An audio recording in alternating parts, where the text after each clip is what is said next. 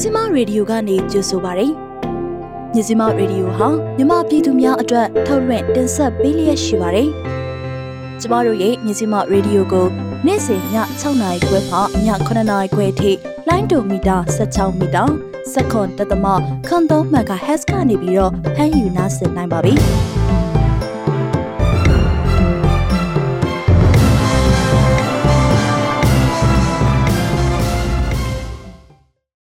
မင်္ဂလာပါရှင်မြန်မာနိုင်ငံသူနိုင်ငံသားတွေဘေးကင်းလုံခြုံပြီးစိတ်ချမ်းသာကိုယ်ကျန်းမာစွာဖြတ်သန်းနိုင်ကြပါစေလို့မြစီမရေဒီယိုအဖွဲ့သူအဖွဲ့သားတွေကဆုတောင်းမေတ္တာပို့လိုက်ရပါတယ်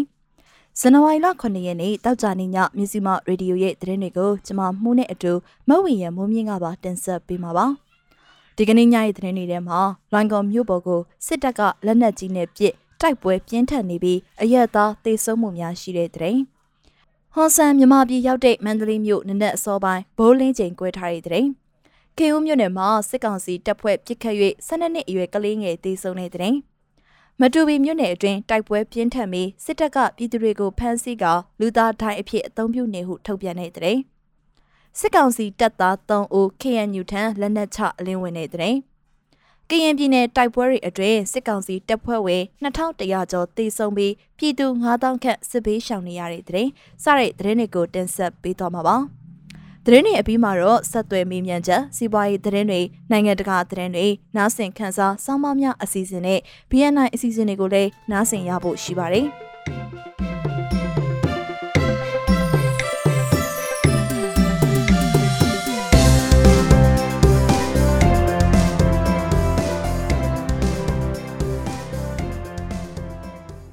ကရင်ပြည်နယ်လွိုင်ကော်မြို့နယ်မိုင်းလုံးရက်ကွက်နေအိမ်တလုံးပေါ်ကိုဒီကနေ့ဇန်နဝါရီလ9ရက်နေ့မနက်9:00နာရီဝန်းကျင်မှာစစ်ကောင်စီတပ်လက်နက်ကြီးကြီးကြောက်ရပောက်ကွဲပြီးတအူးတေဆုံးက၄ဦးတန်ရာပြင်းထန်ကြောင်းဒေသခံထံကနေသိရပါတယ်။တေဆုံးသွားသူတွေဟာအသက်30အရွယ်ဦးစကွဲဖြစ်ပြီးသူ့ရဲ့အမျိုးသမီးနဲ့သားသမီးတွေထိခိုက်ဒဏ်ရာတွေရရှိခဲ့ပါတယ်။ မိုင်းလုံးရက်ကွက်မှာကစစ်ကောင်စီတရင်မရှိဘူးအထိုင်ဆိုရင်တော့မိုင်းလုံးအပေါ်ပိုင်းဘက်မှာ GDC ကျောင်းမှာတော့တက်ဆွဲတဲ့ကျောင်းကအမြင့်ပိုင်းမှာရှိတော့မိုင်းလုံးမြင်ခွင့်မြင်ရတယ်ဘဲကပြစ်လဲတော့မပြောတတ်ဘူးလမ်းမကြီးမှာတော့သူတို့လူရှိတယ်မနေ့က12နာရီခွဲအချိန်ကစပြီးမိုင်းလုံးဘက်မှာပြစ်ခတ်မှုစဖြစ်တာအင်အားများတယ်လို့ယူဆတယ်အချို့အိမ်တွေဆိုရင်ကြီးထိတယ်ခေါမိုးထိတယ်လို့လွိုင်းကောင်မြို့ပေါ်ပြစ်ခတ်မှုအခြေအနေကိုရက်ကွက်နေပြည်သူတို့ကပြောပါရယ် ကင်းနီပြည်နယ်လွိုင်ကော်မြို့ပေါ်နဲ့ဒီမော့ဆိုမြို့ပေါ်မှာအကြမ်းဖက်စစ်ကောင်စီတပ်နဲ့ဒေသခံကာကွယ်ရေးတပ်တွေအကြားယခုရက်ပိုင်းအတွင်းတိုက်ပွဲတွေပြင်းထန်လျက်ရှိပါတယ်။လွိုင်ကော်မြို့နယ်ကရန်တာယာကြီးရွာအနီးအကြမ်းဖက်စစ်ကောင်စီတပ်ရဲ့ကင်မုံစခန်းတစ်ခုကိုလည်းမနေ့ကဇန်နဝါရီလ6ရက်နေ့နနက်3နာရီခွဲက KNI တပ်မတော် KA KNI အမျိုးသားများကာကွယ်ရေးတပ်ဖွဲ့ KNDF နဲ့ PDF ပူးပေါင်းအဖွဲ့တွေကပူးပေါင်းတိုက်ခိုက်ခဲ့ပါတယ်။ တိုက်ပွဲချိန်2နာရီခန့်ကြာခဲ့ပြီးတော့အကြမ်းဖက်စစ်ကောင်စီတပ်ဖက်က15ဦးသေဆုံးကအများအပြားထိခိုက်ဒဏ်ရာရခဲ့ကြောင်းကင်းနီမျိုးသားများကာကွယ်ရေးတပ်မတော် KNDF ကမနေ့ကထုတ်ပြန်ထားပါတယ်။ဒါအပြင်ဒီမော့ဆိုမြို့နယ်မှာရှိတဲ့ဒေါ်ပိုးစီရွာနဲ့9မိုင်6မိုင်နေရာတွေမှာဒီမော့ဆိုနဲ့လွိုင်ကော်မြို့နှစ်ဖက်စလုံးကစစ်တပ်ကစစ်ကြောင်းထိုးတာကြောင့်တိုက်ပွဲတွေဖြစ်ပွားခဲ့ပါတယ်။ နှစ်ဖက်ထိတွေ့တိုက်ပွဲဟာနနက်၈နာရီကနေနေ့လယ်၂နာရီခွဲအထိပြင်းထန်ပြီးအကြမ်းဖက်စစ်ကောင်စီတပ်ဖက်က၈ဦးသေဆုံးက9ဦးတရားရခဲ့ပါတယ်။အကြမ်းဖက်စစ်ကောင်စီတပ်တွေအထိနာတာကြောင့်တစ်ငါးရီအုံပြုခဲ့ပြီးတေဆုံးသွားတဲ့တပ်သားအလောင်းတွေကိုအစဖြောက်ရန်ရုပ်အလောင်းတွေကိုအိမ်ထဲထည့်မိရှုခဲ့တယ်လို့ KNDF ရဲ့ထုတ်ပြန်ချက်ထဲမှာဆိုထားပါတယ်။အဲဒီလိုအထိနာတဲ့စစ်ကောင်စီတပ်ဟာ6မိုင်ကျေးရွာအတွင်းနေအိမ်လေးလုံးနဲ့အထက်မိရှုဖျက်ဆီးခဲ့ကြောင်းသိရပါတယ်။ ကာကွယ်ရေးတပ်တွေဘက်ကတော့တိုက်ပွဲဆက်ရှိနိုင်တဲ့အတွက်သတိထားဖို့အကာအကွယ်ယူဖို့ရှောင်ရှားဖို့အတိပေးထားတယ်ဒေသခံအချို့ကတော့နေရဆွန့်ခွာပြီးရှောင်နေသူရှောင်ကုန်ကြပြီလို့မိုင်းလုံးရက်ကွက်မှာနေထိုင်သူပြည်သူတအူးကပြောပါရယ်ဒေသခံကာကွယ်အဖွဲ့တွေကိုတိုက်ပွဲအခြေအနေတွေကိုဆက်သွယ်စုံစမ်းပေးမယ်လေဖုံးလက်ခံဖြေကြားခြင်းတော့မရှိသေးပါဘူးကမ္ဘောဒီးယားဝန်ကြီးချုပ်ဟွန်ဆန်မြန်မာနိုင်ငံကိုလာရောက်တဲ့ဇန်နဝါရီ9ရက်နေ့ဒီနေ့မှာမန္တလေးမြို့ရဲ့လေးနေရာမှာမနက်6နာရီကနေ9နာရီအကြား ဘုံတွေတပြိုင်နက်တည်းပောက်ကွဲမှုဖြစ်ပွားခဲ့ပါတယ်။ချမ်းရီတာဇန်မြို့နယ်မှာ82လမ်း26လမ်းနဲ့28လမ်းကြားမှာရှိတဲ့မြရီဘန်မဟာအောင်မြင်မြို့နယ်မှာ36လမ်း82လမ်းနဲ့83လမ်းကြားမြို့နယ်ပညာရေးမှုယုံပသိမ်ကြီးမြို့နယ်မှာမြို့နယ်လူဝင်မှုကြီးကြပ်ရေးဦးစီးဌာနမှုယုံချမ်းမြတာစီမြို့နယ်မှာမင်္ဂလာမန္တလေးအိမ်ယာအနီးမြမသတင်းအချက်အလက်နဲ့တိတ်ပံကျောင်းရှိတွေမှာတစ်ချိန်စီတပြိုင်နက်တည်းနှီးပါပောက်ကွဲခဲ့တာဖြစ်တယ်လို့သတင်းအရင်းမြစ်တွေထံကနေသိရပါဗျ။ မြရီဘန်ရှိကစစ်သားတွေကိုဘုံနဲ့လှမ်းပစ်သွားတာပါတကောင်းမှတော့မထိလိုက်ပါဘူးပောက်ကွဲတံတော့ပြင်းတယ်ဒီမနက်တခြားမှာဘုံပေါက်တာတွေလည်းရှိတယ်တစ်ချိန်နဲ့ပောက်ကွဲတာလို့ထင်ပါတယ်ဒီဘက်တော့စစ်သားတွေရောက်လာတာမရှိဘူးအရင်ကဘုံကွဲပြီးရင်လမ်းတွေပိတ်ဆို့တာမျိုးရှိတယ်အခုမရှိဘူးလို့ချမ်းရည်တာဆန်မြို့နယ်82လမ်းမြရီဘန်ရှိပောက်ကွဲမှုနဲ့ပတ်သက်ပြီးတော့သတင်းအရင်းမြစ်ကမျက်စိမှကိုပြောပါတယ်ပောက်ကွဲမှုတွေနဲ့ပတ်သက်ပြီးတော့ဘယ်အဖွဲ့အစည်းကလုပ်တယ်ဆိုတာကိုတော့မသိရသေးပဲလူထိခိုက်မှုတော့မရှိဘူးလို့ကနအူးသိထားရပါတယ်။ ပြည်ကြီးတကုံမြို့နယ်လျှက်စစ်အင်ဂျင်နီယာရုံးနဲ့မဟာအောင်မြေမြို့နယ်တန်လျက်မော်အနောက်ရက်ကွက်အုပ်ချုပ်ရေးမှူးရုံးတွေမှာလည်းမင်းညကဘုံပေါက်ကွဲမှုတွေဖြစ်ပွားခဲ့ပါတယ်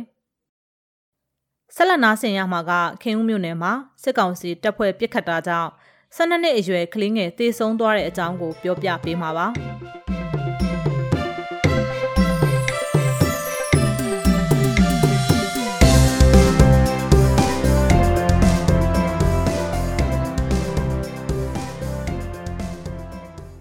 စကိုင်းတိုင်းခေဦးမြို့နယ်မှာဒေသခံသားအဖနှစ်ဦးကိုစစ်ကောင်စီတပ်ဖွဲ့ကလိုက်လံပစ်ခတ်တဲ့အတွက်အသက်12နှစ်အရွယ်ကလေးငယ်တဦးတေဆုံးသွားကြောင်းဒေသခံထံကနေသိရပါတယ်။မနေ့ကဇန်နဝါရီလ6ရက်နေ့နေ့လည်ခင်းတနာရီခွဲပြီး9မိနစ်အချိန်မှာခေဦးမြို့နယ်နဲ့တစ်ကြားရွာချားမှာစစ်ကောင်စီတပ်သားရဲနဲ့ပြူစောထီပူပေါင်းအဖွဲ့တွေကပစ်ခတ်ခဲ့ခြင်းဖြစ်ပြီးကလေးငယ်မှတနက်ဒဏ်ရာနဲ့ဆိုင်ငယ်ပေါ်ကနေပြုတ်ကျကျနေခဲ့ခြင်းဖြစ်ပါတယ်။တနက်မှန်ပြီးဆိုင်ငယ်ပေါ်ကပြုတ်ကျခဲ့ပါတယ်။ကလေးကိုပြန်ရှာဖို့ခွေးတွေရဲ့ရန်ကြောင့်လုံခြုံရေးအရာဒီကနေ့ဇန်နဝါရီလ9ရက်နေ့မှာအလောင်းပြန်သွားကောက်ရပါတယ်လို့အဲ့ဒီဖြစ်ပျက်ကိုကလေးဖခင်ရဲ့ပြောစကားကိုကိုးကားပြီးဒေတာကန်တအူးကပြန်ပြီးပြောပြပါတယ်ကလင်းငယ်ရဲ့ရုပ်အလောင်းကိုပြန်တွေ့ချိန်မှာညာဘက်ရှင်အောင်တန်းတဲ့ထံရနဲ့ပက်လက်အနေထားသိဆုံးနေတာကိုတွေ့ရပါတယ်။အဲ့ဒီသားဖဟာရွှေဘိုဘက်ကခင်ဦးဘက်ကိုလေကွင်းတွေမှာကြက်ထိုးဖို့လာတယ်လို့သိရပြီးစစ်ကောင်စီတပ်သားတွေကအဝေးကနေလှမ်းပစ်ပြီးပြစ်ခတ်ရမှာဆိုင်ကယ်နဲ့မောင်းပြေးစဉ်ကလေးငယ်အားတနက်ထိမှန်ခဲ့ခြင်းဖြစ်တယ်လို့သိရပါတယ်။ အဲ့လိုပြစ်ခတ်တဲ့စစ်ကောင်စီတပ်သားရဲနဲ့ပြူစောထီပူပေါင်းတပ်ဖွဲ့ဟာလက်နက်အားကိုနဲ့ခင်းဦးမြို့နယ်ကန်တိရွာကပြည်သူပိုင်စပားခင်းတွေကိုအတင်းအရမရိတ်သိမ်းယူဆောင်နေတဲ့အဖွဲ့ဖြစ်ကြောင်းဒေသခံတအုပ်ကပြောပါတယ်ချင်းပြည်နယ်မတူပီမြို့နယ်မတူပီဟာခါလမ်းပိုင်းမှာတိုက်ပွဲတွေပြင်းထန်နေပြီးစစ်ကောင်စီတပ်ကပြည်သူတွေကိုဖမ်းဆီးကလူသားဒိုင်းအဖြစ်တိုက်ပွဲအတွင်အုံပြုနေတယ်လို့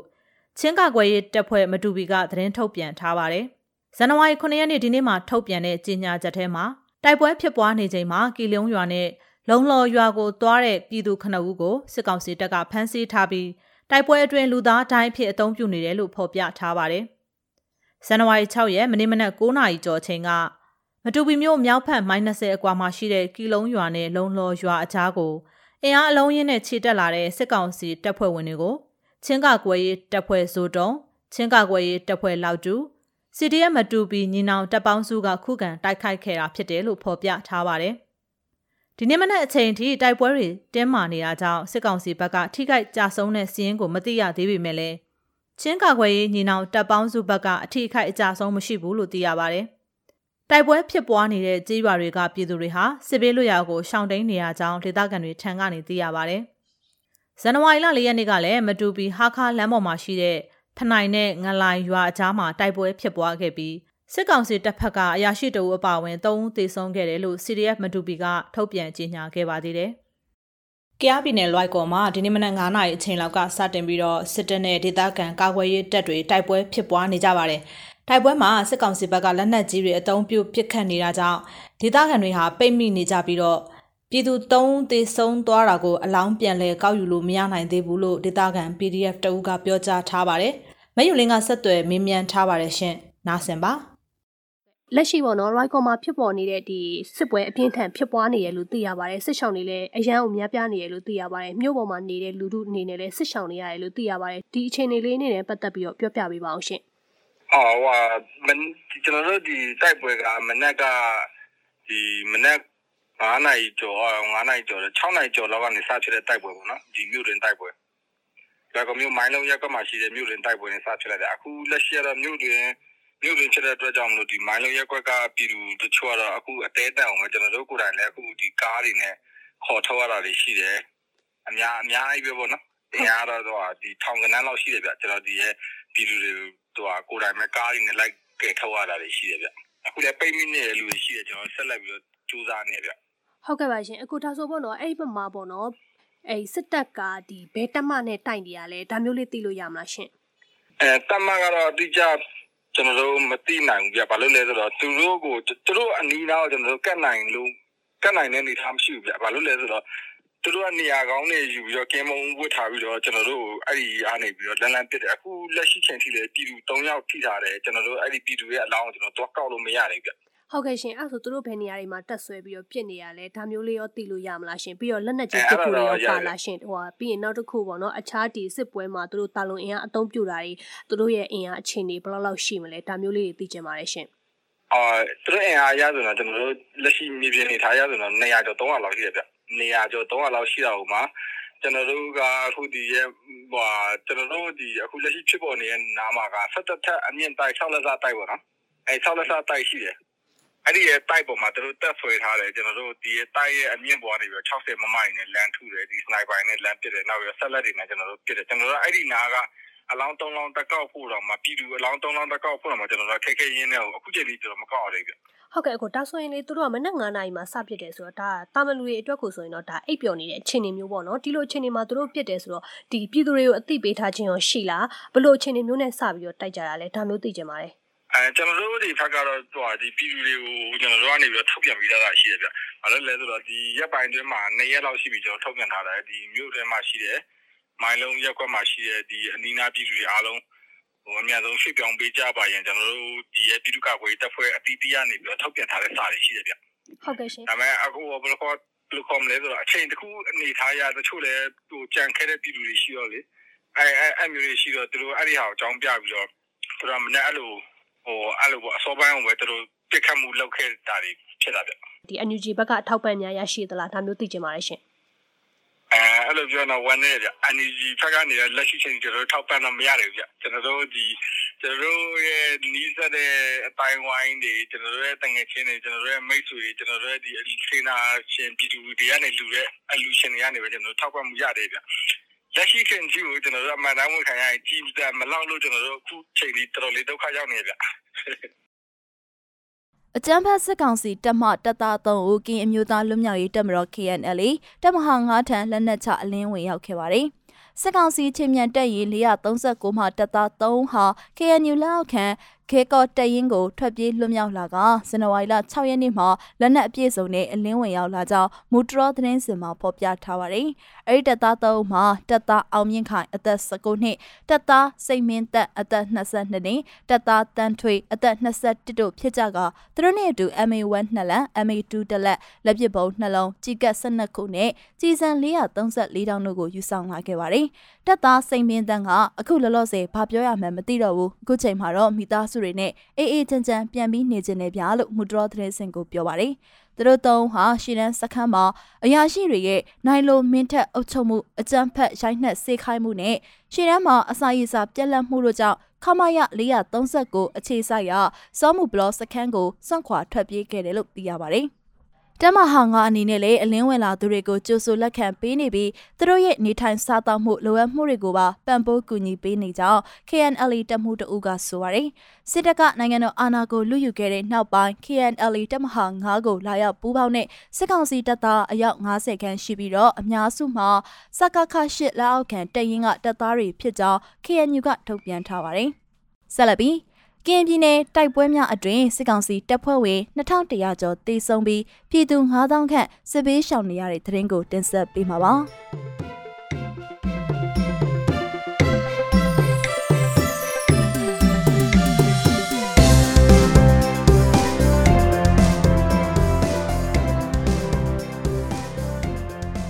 ကင်းပြည်နယ်အတွင်း2021ခုနှစ်ဇန်နဝါရီလကနေဒီဇင်ဘာလကုန်အထိတစ်နှစ်အတွင်း ကင်မျိုးသားလွတ်မြောက်ရေးတပ်မတော် KNN ကင်မျိုးသားကာကွယ်ရေးတပ် KMDO ပူးပေါင်းတပ်ဖွဲ့နဲ့အာနာသိန်းစစ်ကောင်စီတပ်တွေအကြားကင်ပြည်နယ်အတွင်း2021ခုနှစ်ဇန်နဝါရီလကနေဒီဇင်ဘာလကုန်အထိတစ်နှစ်အတွင်းစစ်ကောင်စီတပ်ဖွဲ့ဝင်2000ကျော်သေဆုံးခဲ့ပြီးတော့ပြည်သူ9000လောက်ဟာစစ်ဘေးရှောင်ခဲ့ရတယ်လို့ KMU ကဒီနေ့မှထုတ်ပြန်တဲ့စည်ရင်အနှစ်ချုပ်မှာဖော်ပြထားပါတယ်။တနှစ်အတွင်းကန်နနီတပ်မဟာ9ခုမှာတိုက်ပွဲပေါင်း3152ကြိမ်ဖြစ်ပွားခဲ့ပြီးတော့ စစ်ကောင်စီတပ်ဖွဲ့ဝင်2190တေဆုံးကထိခိုက်ဒဏ်ရာရရှိသူဟာ2048ဦးရှိတယ်လို့ KMU ရဲ့ထုတ်ပြန်ချက်မှာဖော်ပြထားပါတယ်။တိုက်ပွဲတွေအတွင်းမှာ KNN နဲ့ KNDO တပ်ဖွဲ့ဝင်42ဦးကြာဆုံးခဲ့ရပြီးတော့ထိခိုက်ဒဏ်ရာရရှိသူဟာ130ရှိတယ်လို့ထုတ်ပြန်ချက်ကဆိုပါတယ်။စစ်တပ်အာဏာသိမ်းပြီးတဲ့နောက်မှာ KMU တပ်မဟာ9နယ်မြေမှာတိုက်ပွဲပေါင်း2696ကြိမ်အများဆုံးဖြစ်ပွားခဲ့ပြီးတော့ တပ်မဟာ6နဲ့တပ်မဟာ10နယ်မြေတွေမှာတိုက်ပွဲပြင်းထန်ခဲ့ကကန်နနီတပ်ဖွဲ့ဝင်တွေဟာပျောက်ကြားနှီးတွေနဲ့တိုက်ခိုက်ခဲ့တာကြောင့်စစ်ရေးအသာစီးရပြီးကြာဆုံးမှုနေခဲ့တယ်လို့ KMU ကဆိုပါတယ်။အဆိုပါတိုက်ပွဲတွေမှာစစ်ကောင်စီဘက်ကလက်နက်ကြီးအလုံးကြီးအချက်1500ကျော်ပစ်ခတ်ခဲ့တာကြောင့်လူနေအိမ်နဲ့တရိတ်ဆန်တွေထိကြိုက်သေဆုံးမှုရှိတယ်လို့သိရပါတယ်။ဒါ့အပြင် KMU တပ်မဟာ3တပ်မဟာ9နဲ့တပ်မဟာ6နယ်မြေတွေမှာစစ်ကောင်စီတပ်ကလေကြောင်းနဲ့ဘုံကျဲတိုက်ခိုက်တာလက်နက်ကြီးတွေနဲ့ပစ်ခတ်တာကြောင့် ပြည်သူ32ဦးသေဆုံးခဲ့ပြီးတော့86ဦးထိခိုက်ဒဏ်ရာရခဲ့တယ်လို့ KMU ကထုတ်ပြန်ချက်မှာပြောဆိုထားပါတယ်။တိုက်ပွဲတွေကြောင့်ပြည်သူ9000လောက်ဟာဘေးလွတ်ရာကိုစစ်ဘေးဒုက္ခသည်အဖြစ်ထွက်ပြေးတိမ်းရှောင်နေကြရပါတယ်။ ချင်းပြည်နယ်အတွင်းမှာ2021ခုနှစ်ဖေဖော်ဝါရီလ1ရက်ဆီယနာသိန်းနဲ့အချိန်ကနေစပြီးတော့ဒီဇင်ဘာလ31ရက်ထိ17လတာကာလအတွင်းစစ်ကောင်စီတပ်ဟာချင်းတိုင်းရင်းသား163ကိုတပ်ဖြတ်ခဲ့တယ်လို့ချင်းရရအဖွဲ့ချုပ်မှဇန်နဝါရီလ6ရက်နေ့မှာထုတ်ပြန်ထားပါတယ်။တေဆောင်တွေထဲမှာအမျိုးသမီး73ဦးအပါအဝင်အရသားပြည်သူ89ဦးနဲ့ချင်းတော်လိုင်းတပ်ဖွဲ့မှ86ဦးထိရှိပြီးအဲ့ဒီထဲမှာစစ်ကောင်စီတပ်သားတွေရဲ့မိရှုတပ်ဖြတ်မှုကြောင့်တေဆောင်သူ9ဦးအလောင်းပြန်မရတဲ့အရသား10ဦးနဲ့မိုင်းထိပြီးတေဆောင်တဲ့အရသား3ဦးထိပါဝင်ကြောင်းသိရပါတယ်။ စစ်ကောင်စီတပ်မှဆီယနာသိမ်းမှုအပေါ်ငြိမ်းချမ်းစွာဆန္ဒပြနေတဲ့အရက်သားတွေပေါ်မှာအကြမ်းဖက်တိုက်ခိုက်ခြင်းမတရားဖမ်းဆီးမှုနဲ့စစ်ကြောရေးအတွက်ညှဉ်းပန်းနှိပ်စက်ခြင်းမိရှုတပ်ဖြတ်ခြင်းလူနေအိမ်တွေနဲ့အပြစ်မဲ့အရက်သားတွေပေါ်ပြစ်မှတ်ထားကလက်နက်ကြီးတွေနဲ့ပစ်ခတ်ခြင်းနဲ့လေကြောင်းတိုက်ခိုက်မှုတွေကြောင့်အသက်ဆုံးရှုံးကြရခြင်းဖြစ်ပါတယ်။ စစ်ကောင်စီတပ်ဟာအယက်သားပြည်သူတွေကိုအကြောင်းမဲ့တပ်ဖြတ်တဲ့အပြင်ကြေးရွာမှာနေတဲ့လူနေအိမ်တွေကိုလက်နက်ကြီးတွေနဲ့ရန်တမ်းပစ်ခတ်မိရှို့ခြင်းနဲ့လူနေရက်ကတ်တွေအယက်သားတွေကျင်လည်ကျက်စားတဲ့နေရာတွေမှာမိုင်းထောင်တိုက်ခိုက်ခြင်းတို့ကိုရွေချက်ရှိရှိကျွလွန်လျက်ရှိတယ်လို့ထုတ်ပြန်ချက်ထဲမှာပါဝင်ပါတယ်။ စစ်ကောင်စီရဲ့အယက်သားပြည်သူများအပေါ်ပြစ်မှတ်ထားကစနစ်တကျတိုက်ခိုက်တပ်ဖြတ်ခြင်းဟာလူသားမျိုးနွယ်ပေါ်မှာကျွလွန်တဲ့ပြစ်မှုနဲ့စစ်ရာဇဝတ်မှုတွေကိုကြက်ကြက်ပြန့်ပြန့်ကျွလွန်နေကြောင်းထင်ရှားနေပြီးသူတို့ကျွလွန်တဲ့ပြစ်မှုတွေအတွက်တာဝန်ခံရမှာဖြစ်ကြောင်းနဲ့အယက်သားပြည်သူတွေရဲ့အသက်အိုးအိမ်စည်းစိမ်အပေါ်မှာပြစ်မှတ်ထားခြင်းအပြစ်မဲ့ပြည်သူတွေကိုတိုက်ခတ်တပ်ဖြတ်ခြင်းတို့ကိုချက်ချင်းရပ်တန့်ဖို့ချင်းရရအဖွဲ့ချုပ်မှအလေးနက်ထားတိုက်တွန်းထားပါတယ်။ ချင်းရအဖွဲ့ချုပ်ဟာနိုင်ငံတကာအတိုင်းဝိုင်းကိုစစ်ကောင်စီတပ်ရဲ့ချင်းတိုင်းရင်းသားတွေနဲ့အရသားပြည်သူတွေအပေါ်မှာပြစ်မှတ်ထားပြီးတော့စစ်စင်ရေးဆောင်ရွက်နေမှုနဲ့လူခွင့်ရေးချိုးဖောက်မှုတွေကိုရပ်တန့်စေမယ့်ထိရောက်သောအရေးယူဆောင်ရွက်မှုတွေကိုလှုံ့ဆော်ဖို့အတွက်လည်းထပ်မံတောင်းဆိုထားပါတယ်။ကမ္ဘောဒီးယားဝန်ကြီးချုပ်အနေနဲ့မြန်မာပြည်သူများရဲ့ဆန္ဒသဘောထားနဲ့ဒီမိုကရေစီအတွက်ကြိုးပမ်းအားထုတ်မှုတွေကိုလေးစားလိုက်နိုင်ရန် CRPH တိုက်တွန်းတဲ့သတင်းကိုတင်ဆက်ပေးပါမယ်။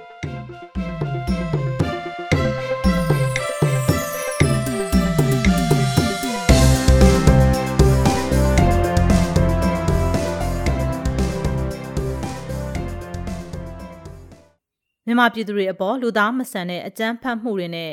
လူသားမျိုးနွယ်အပေါ်ကျူးလွန်တဲ့ရာဇဝတ်မှုတွေကိုအာဏာတည်မြဲရေးအတွက်ရွေချက်ရှိရှိလှုပ်ဆောင်နေတဲ့အာဏာသိမ်းစစ်ကောင်ဆောင်တွေနဲ့တွေ့ဆုံဆွေးနွေးမဲ့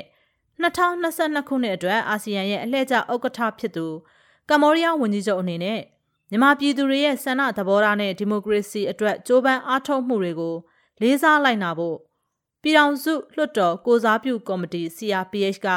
ဇန်နဝါရီ9ရက်နေ့ဒီနေ့မှာတိုက်တွန်းပြောဆိုလိုက်ပါတယ်။မြန်မာနိုင်ငံရဲ့အရေးကိစ္စတွေနဲ့ပတ်သက်ပြီးတော့မြန်မာပြည်သူလူထုကဆန္ဒမဲပေးရွေးချယ်ထားတဲ့ပြည်ထောင်စုလွှတ်တော်ကိုစားပြုကော်မတီမြို့သားညီညွတ်ရေးအစိုးရအပါအဝင်တရားဝင်အဖွဲ့အစည်းတွေနဲ့သာပူးပေါင်းဆောင်ရွက်ဖို့ထပ်မံတိုက်တွန်းထားပြီးတော့ပြည်ထောင်စုလွှတ်တော်ကိုစားပြုကော်မတီအနေနဲ့ပြည်သူလူထုကအနှင်းထားတဲ့အခွင့်အာဏာကိုကျင့်သုံးနေတဲ့တရားဝင်အဖွဲ့အစည်းဖြစ်တာကြောင့်မြန်မာပြည်သူတွေရဲ့ဆန္ဒသဘောနဲ့အညီရည်တည်ဆောင်ရွက်သွားမယ်လို့အသိပေးထုတ်ပြန်ပါတယ်။ မြန်မာနိုင်ငံမှာဖြစ်ပေါ်နေတဲ့ပြဿနာတွေဟာအတ္တဆန်တဲ့ဆေးအာနာရှင်မင်းအောင်လှိုင်နဲ့စစ်ကောင်းဆောင်တွေကြောင့်သာဖြစ်ပွားခဲ့တာဖြစ်ပြီးမြန်မာပြည်သူတွေအပေါ်ဖမ်းဆီးနှိပ်စက်တပ်ဖြတ်ကလူခွင့်ရေးချိုးဖောက်မှုတွေအကြမ်းဖက်မှုတွေလုပ်နေတဲ့စစ်ကောင်းဆောင်ကိုလူအတိုင်းဝန်ကဖယ်ကျင်ရမှာဖြစ်ပြီးတော့သူတို့နဲ့တွဲဆုံဆွေးနွေးမှုဟာမြန်မာနိုင်ငံနဲ့ပြည်သူလူထုအတွက်အကျိုးတစုံတရာမရှိဘူးလို့ CRPH ကဆိုထားပါတယ်။ဒါအပြင်မြန်မာနိုင်ငံရဲ့အကျိုးစီးပွားအတွက်ထိရောက်တဲ့တွဲဆုံဆွေးနွေးမှုတွေနဲ့ ငြိမ်းချမ်းစွာအပြေရှာနိုင်ရေးအာဆီယံခေါင်းဆောင်တွေကသဘောတူညီထားတဲ့ဘုံသဘောတူညီချက်၅ချက်အပေါ်လုံးဝပူးပေါင်းဆောင်ရွက်တာမရှိတဲ့အာနာသိန်းခေါင်းဆောင်တဲ့တွဲဆောင်ဆွေးနွေးမှုအပေါ်ကိုမြန်မာပြည်သူတွေကဒေါသထွက်နေပြီးတော့မြန်မာနိုင်ငံရဲ့အိမ်နီးချင်းတနိုင်ငံဖြစ်တဲ့ကမ္ဘောဒီးယားနိုင်ငံအနေနဲ့တရှိထားပြီးဆက်ဆံရေးခေါင်းတွေနဲ့တိဆောက်ထားတဲ့နှစ်နိုင်ငံပြည်သူလူထုအကြားချစ်ကြည်ရင်းနှီးမှုတွေကိုထိမ့်သိမ်းသွားဖို့ကိုလည်းတိုက်တွန်းထားပါတယ်။ မြန်မာအာဏာသိမ်းစစ်ကောင်ဆောင်ဗိုလ်ချုပ်မှုကြီးမင်းအောင်လှိုင်ရဲ့ဖိတ်ကြားချက်အရကမ္ဘောဒီးယားနိုင်ငံဝန်ကြီးချုပ်ဟွန်ဆန်ခေါင်းဆောင်တဲ့အစင်းမြင့်ကိုယ်စားလှယ်အဖွဲ့ဟာမြန်မာနိုင်ငံကိုဇန်နဝါရီ9ရက်နေ့ဒီနေ့ကနေ10ရက်နေ့အထိလဲပတ်မှာဖြစ်ပြီးတော့နှစ်နိုင်ငံပူးပေါင်းဆောင်ရွက်ရေးကိစ္စရပ်တွေနဲ့အာဆီယံအဖွဲ့ရဲ့တိုးတက်မှုတွေကိုတွဲဆောင်ဆွေးနွေးသွားမှာဖြစ်တယ်လို့သိရပါတယ်ရှင်။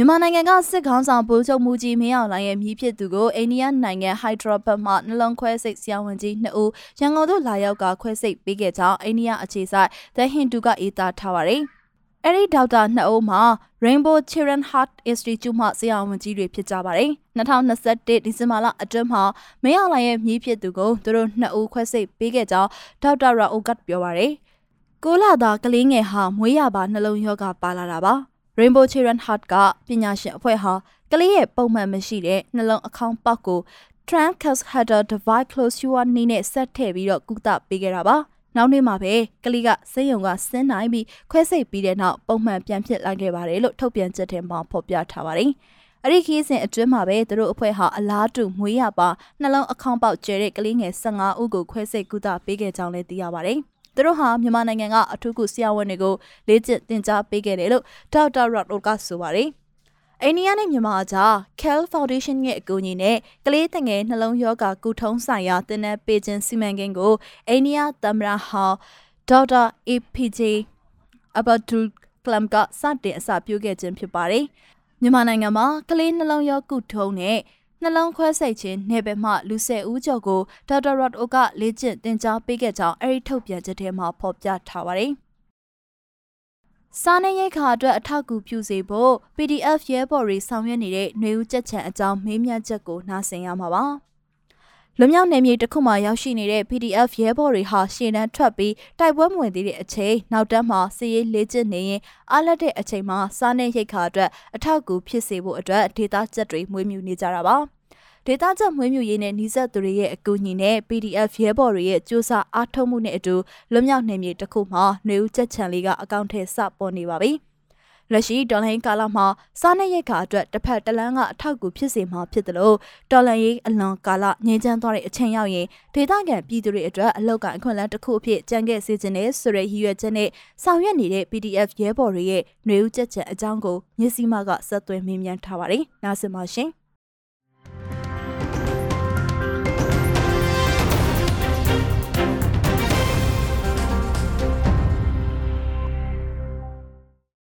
ဟုတ်ကဲ့ပါကိုကြီးမင်္ဂလာပါဗျ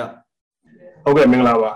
ဟုတ်ကဲ့ပါဒီအကိုတို့ဒီလက်ရှိအကိုတို့လှုပ်ဆောင်နေတဲ့အပိုင်းလေးနည်းနည်းပြောပြပေးပါအောင်ဗျဒီပြောလို့ရတဲ့အကြောင်းအရာလေးပေါ့နော်ဟုတ်ဟုတ်ကဲ့လက်ရှိကျွန်တော်တို့လုပ်နေတာနှစ်ပိုင်းပေါ့နော်တစ်ပိုင်းကတော့လက်နက်ရရှိရေးအတွက်ပေါ့နော်လက်နက်ထောက်ပံ့နိုင်ရေးအတွက်တစ်ပိုင်းပေါ့နောက်တစ်ပိုင်းကတော့ဒီရိတ်ခါအတွက်ပေါ့နော်စနစ်ကြတဲ့ထောက်ပို့ပုံစံမျိုးဖြစ်အောင်ပေါ့နော်အဲ့လိုမျိုးအတွက်ကြိုးစားနေပါတယ်ဟုတ်ကဲ့ ကျွန်တော်သိထားတာဆိုလို့ရှိရင်အကိုတို့ရဲဘော်တွေကဒီစုပေါင်းပြီးတော့ຫນွေဦးချက်ချံဆိုတဲ့ဟာမျိုးလေးတွေလုပ်နေရဆိုပြီးသိထားတယ်ဗျအဲ့ဒီຫနွေဦးချက်ချံဆိုတဲ့အကြောင်းလေးနည်းနည်းတော့ပြောပြပေးပါဦးဗျဟုတ်ကဲ့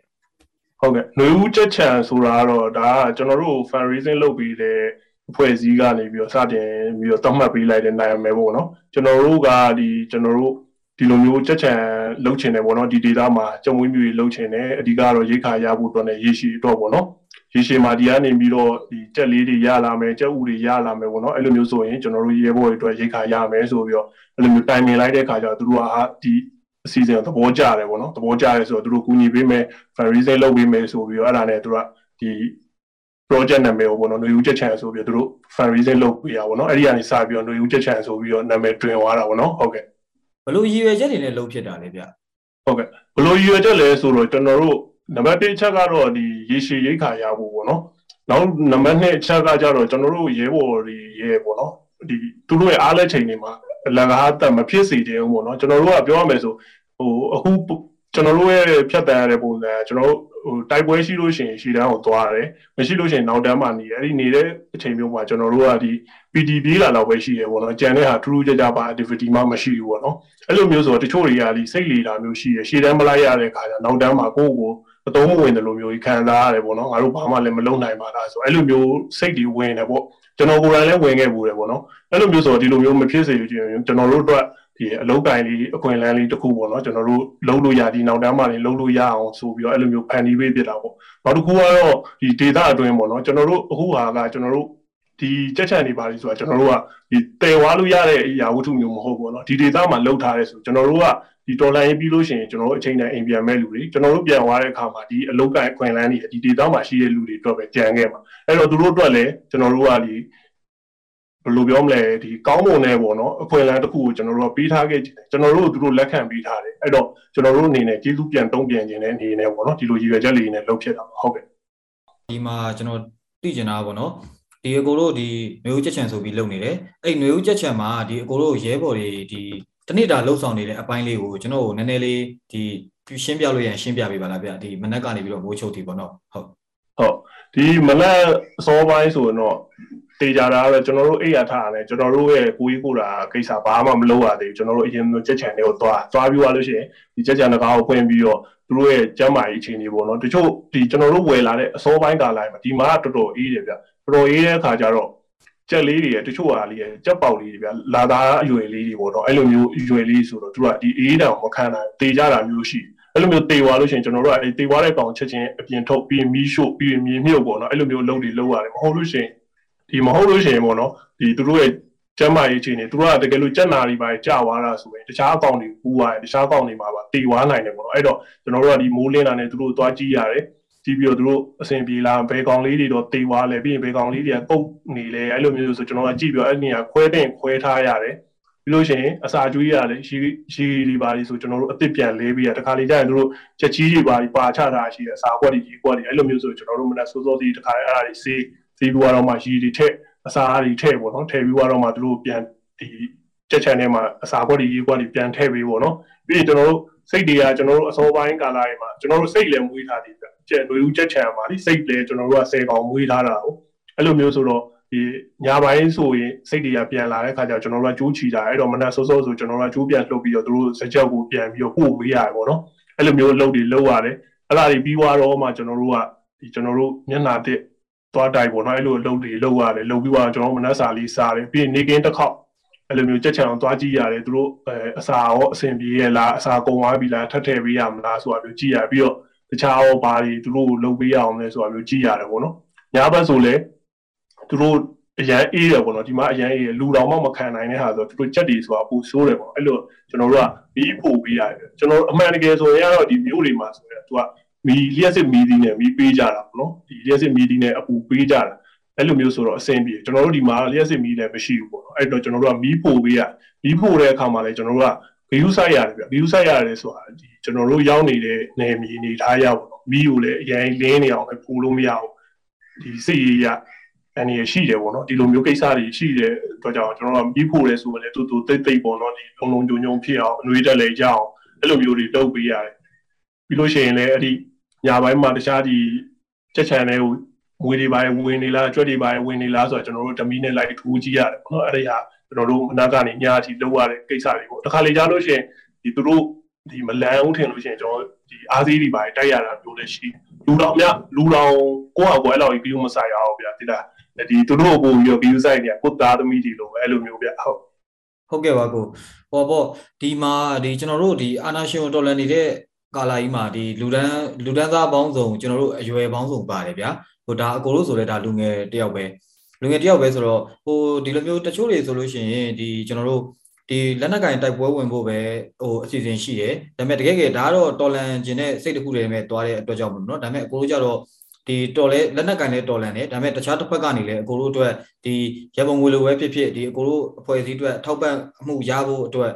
အဲ့လိုမျိုးဒီကြက်ချန်လေးစလုပ်ဖြစ်ခဲ့တယ်ပေါ့နော်ဟိုအဲ့ဒီပုံမှာဆိုလို့ရှိရင်ဒါဟိုကျွန်တော်သိချင်တာကကြတော့ အဲ့လိုမျိုးအကြံစီဖြစ်ဖို့အတွက်ကကြတော့ဒါကဟိုတယောက်တည်းနဲ့လုပ်လို့ရတဲ့အရာမဟုတ်ဘူးပြီးတော့ဒီကြက်မွေးတယ်လို့ဘာလို့ဆိုတော့ကလည်းဒီသူတို့နီးပညာတွေနီးစနစ်တွေအများကြီးရှိမှာပေါ့နော်ဟိုအဲ့ဒီပုံမှာဆိုလို့ရှိရင်ရောအကိုတို့ဒီလိုမျိုးဟာကြီးတစ်ခုလုံးကိုဖြစ်လာဖို့အတွက်ဘယ်လိုမျိုးအသေးအသေးစိတ်စီမံခဲ့ရလဲအကိုတို့အဖွဲ့ထဲမှာရောဒီမွေးမြူနဲ့ပတ်သက်တဲ့အတွေ့အကြုံရှိတဲ့လူတွေပါလို့လားဘာဘာကြောင့်လဲအဲ့ဒါလေးသိချင်တယ်ဗျဟုတ်ကဲ့ဟုတ်ဟိုစောဒပြောလို့ပေါ့နော်လက်နက်ကင်ဒေါ်လာကြီးလုံးချင်လို့လာရဲဆိုတာဒါအမှန်ပါပဲကျွန်တော်တို့အားလုံးလည်းလက်နက်ကင်ပြီးဒေါ်လာညင်လို့ ဒီကိုအိမ်ကိုစုံခဲ့တယ်မိသားစုစုံပြီးတော့ဒီနေရာကြီးရောက်လာတာပေါ့နော်ဒါပေမဲ့ကျွန်တော်တို့ကဒီတော်လန်ရေးလုပ်ရဲဆိုတော့ဒီလက်နက်တိုင်ပြီးတော်လန်မှုတက်တက်ကြီးပဲတွေးလို့မရဘူးပေါ့နော်တခြားတစ်ဖက်အများကြီးတွေးရသေးတယ်ဒီလက်နက်တိုင်သွားဖို့အတွက်လိုအပ်တဲ့ငွေကြေးတွေရှိတယ်ဒီရဲဘော်တွေ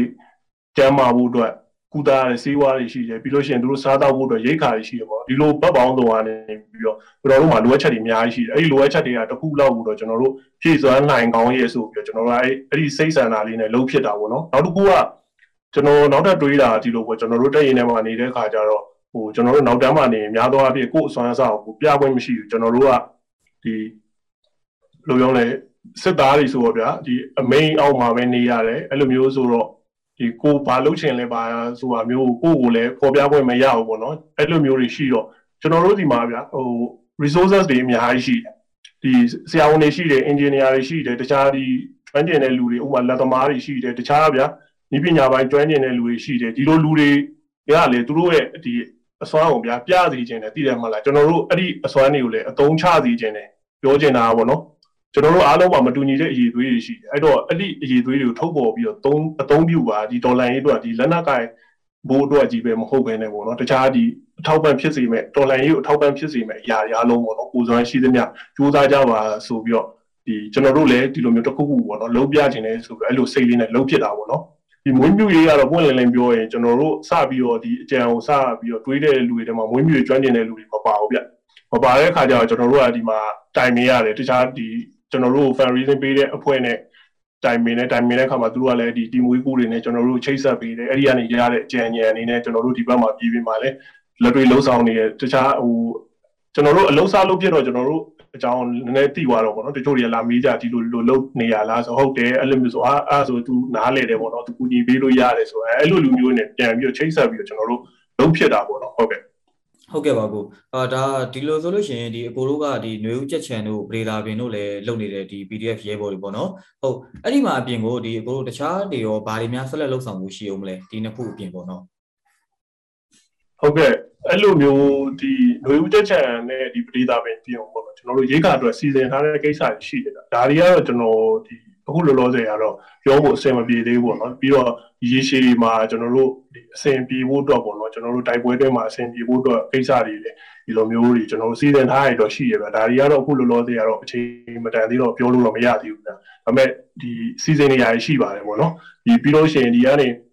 ဒေတာဘေးကနေရလာတဲ့ပတ်စံတွေကိုလည်းဒီရဲဘော်တွေအတွက်လက်နက်တပ်ဆင်ရေးအတွက်စနစ်တကျဖြစ်ဖို့အတွက်တောင်းရှိတဲ့လူတွေနဲ့ကျွန်တော်တို့တေချာတိုင်းမြင်ပြီးတော့စီစဉ်နေပါတယ်လို့ဟုတ်ကဲ့ ຫນွေဦးကြက်ချံအကြောင်းကိုကိုကျော်စရာမင်းတင်ကဆက်သွယ်မေးမြန်းခဲ့တာပါပြည်တွင်းသတင်းတွေကိုတင်ဆက်လို့ပြီးပါပြီအခုဆက်လက်ပြီးတော့စီးပွားရေးသတင်းတွေကိုနားဆင်ကြရမှာပါမက်မေယူကပြောပြပေးမှာပါရှင်